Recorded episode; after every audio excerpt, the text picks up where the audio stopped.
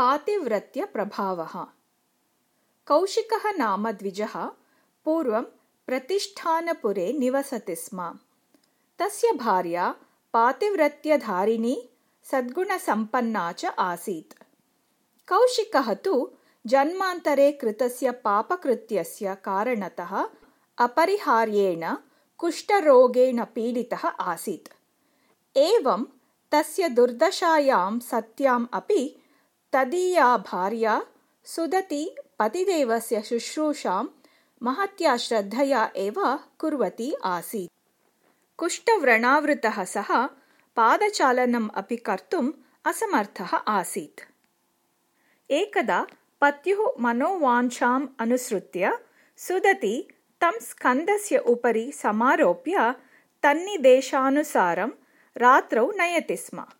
तदा शूलारोपणाय नीयमानः कश्चन पथि प्राप्तः।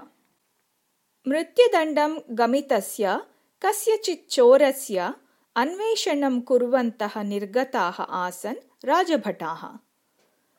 परं चोरः माण्डव्यमुनेः आश्रमे उपगूहितः आसीत्। आश्रमे तपः समाचरन् समाधिसुखावस्थितं माण्डव्यम् एव चोरं मन्यमानाः राजभटाः तम् एव शूलम् आरोपयितुं प्रमादवशात् समानीतवन्तः आसन्। सुदती भर्तारं कौशिकं स्कन्दस्य उपरि आरोप्य यदा आगच्छन्ती आसीत् तदा कौशिकस्य पादेन माण्डव्यऋषिः स्पृष्टः अभवत्। कुत्रापि भटैः क्रियमाणं नयनं दृष्ट्वा आदौ एव क्रुद्धः आसीत् सः मुनिः। इदानीं कौशिकस्य पादस्पर्शात् तु तदीयः क्रोधः पराकाष्ठम् एव गतः अभवत्। सः झटिति अशपत्। भोः मां पादेन स्पृष्टवान् भवान् सूर्योदयात् पूर्वम् एव पञ्चत्वमाप्नोतु इति।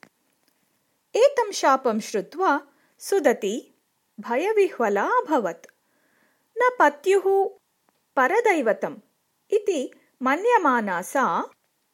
यद्यहं मद्भर्तरि पूर्णतया दृढं श्रद्धान्विता स्यां तर्हि देवा सूर्यनारायण भवान् उदितः एव मा भवतु इति उच्चैः अवदत्।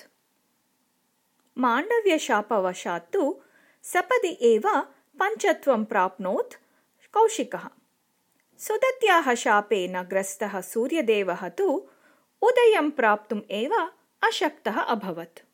तदा तु प्रकृतिरपि निस्तेजस्का सञ्जाता। जनानां नित्यकर्माणि अपि स्तब्धानि अभवन्। हव्यस्वीकारे देवगणाः अयोग्याः समभवन्। एतस्य परिहारम् अन्विषन्तः दौर्भाग्यपीडिताः सुरोत्तमाः पातिव्रत्यमुकुटभूताम् अनसूयादेवीं सम्प्राप्य सर्वं वृत्तान्तम् आमूलाग्रं विनिवेद्य सूर्योदयं कारयतु कृपया इति तां प्रार्थितवन्तः। अत्रिभार्या एतत् अङ्गीकृत्य कौशिकगृहम् अगच्छत्। तां सुदति विनयपूर्वकं स्वागती कृतवती सूर्यस्य शापग्रहणवशात् लोके दृश्यमानां दुर्दशां तां विनिवेद्य अनसूया उक्तवती।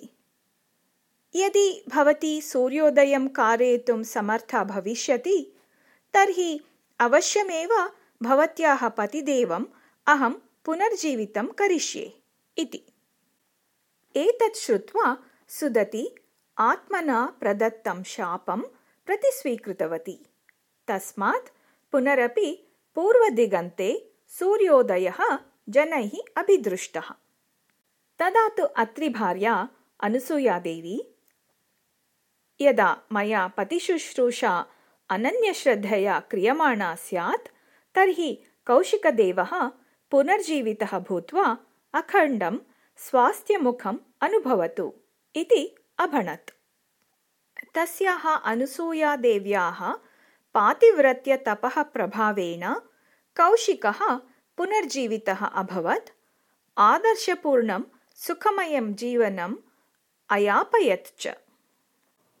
सुदत्याः शापवशात् उदयं प्राप्तुम् असमर्थं दिवाकरं पुनरपि अनुदिनम् उदयशालिनं कृतवत्याः अत्रिभार्यायाः अनसूयादेव्याः मस्तकस्य उपरि पुष्पवृष्टिं प्रोत्कीर्य तां च स्तुतवन्तः इन्द्रादिदिक्पालकाः अवदन्।